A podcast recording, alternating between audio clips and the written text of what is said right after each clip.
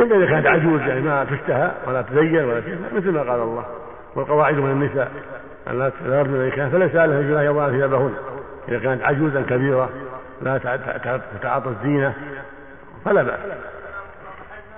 أما إذا كانت لا تتعاطى الزينة ويظهر منها ما قد يميل الرجال إليها فلا يجوز لها أن تكشف وليس لأحد ينظر إليها. والمصاحبة لا يصافح الرجل النساء لا. المصاحبة بين الرجل والرجال. أو بين الرجل ومحارمه كأمه وخالته. أما يصافح النساء لا. النبي صلى الله عليه وسلم قال إني لا أصافح النساء لا كبيرة ولا صغيرة. كل ساقطة لا لاقطة ما يصلح. نعم. وكذا سامحيني؟ كذا سامحيني؟ حياك الله كيف حالك؟ كيف أنت؟ كيف العيال؟ ولا تصافح